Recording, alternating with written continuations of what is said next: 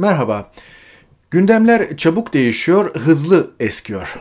Sizi iki hafta geriye götüreceğim. Samsun'da Atatürk anıtına saldırı olayından hareketle ortaya çıktı ki, İslamcılarla Atatürkçüler söz konusuysa şöyle bir korelasyon var. İnanmayan, inanmıyorum diyemiyor. Her iki kesiminde münafıkları var. Yani Atatürkçü gibi görünüp Atatürk'ü 10 dakika anlatamayanlar, anlatamayacaklar olduğu gibi İslamcı, Müslüman gibi görünüp Fatiha'yı okuyamayanlar, okuyamayacaklar var. İslamcılar mesela anıtın etrafında meşalelerle yürüyen insanlar için tavaf ediyorlar diyeceğine saldırganların alkollü ve uyuşturucu sabıkalı olmalarına bakabilirlerdi. İlgilenmediler, işlerine gelmedi. Sağ olun. Çok teşekkür ediyorum. Rejime yön verenler bu tür olayları provoke etmekte pek mahir. Gel gelelim Erdoğan'ın arkasını toplayamıyorlar, o başka. Hoş Erdoğan hep böyleydi. Önceki dönemlerden farkı şu, başlarda akıl almaya açıktı çünkü mutlak güce henüz ulaşmamıştı. Erdoğan'la belediye döneminden itibaren yan yana yürümüş eski bir bakanla sohbetimizde şöyle demişti. Biz bu adamın 20 yıl arkasını topladık. Sezen Aksu olayının dumanı tüterken bir çocuğa hain Bay Kemal dedirtti.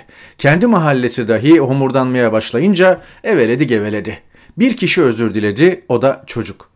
Erdoğan'ı bu denli fütursuz yapan en önemli unsurlardan biri kuşkusuz dış konjonktür. Özellikle Osman Kavala ve Selahattin Demirtaş konusunda gelen tahliye taleplerine duyarsız kalması bundan. Burada dikkatlerden kaçan mühim bir fark var. Rahip Bronson ve Deniz Yücel'in tahliye edilip ülkelerine gönderilmelerinin iki mühim nedeni vardı. Türkiye pasaportu taşımamaları, bizzat Amerika ve Almanya liderlerinin talepleri. Kavala ve Demirtaş konusunda hiçbir dünya lideri topa girmiyor. Erdoğan için Avrupa Konseyi veya AHİM bir baskı unsuru değil.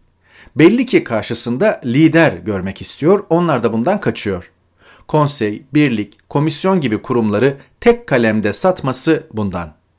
İşte tüm bunlar olurken Türkiye muhalefeti uslu çocuk olarak seçimi kazanma ihtimaline inanmak istiyor.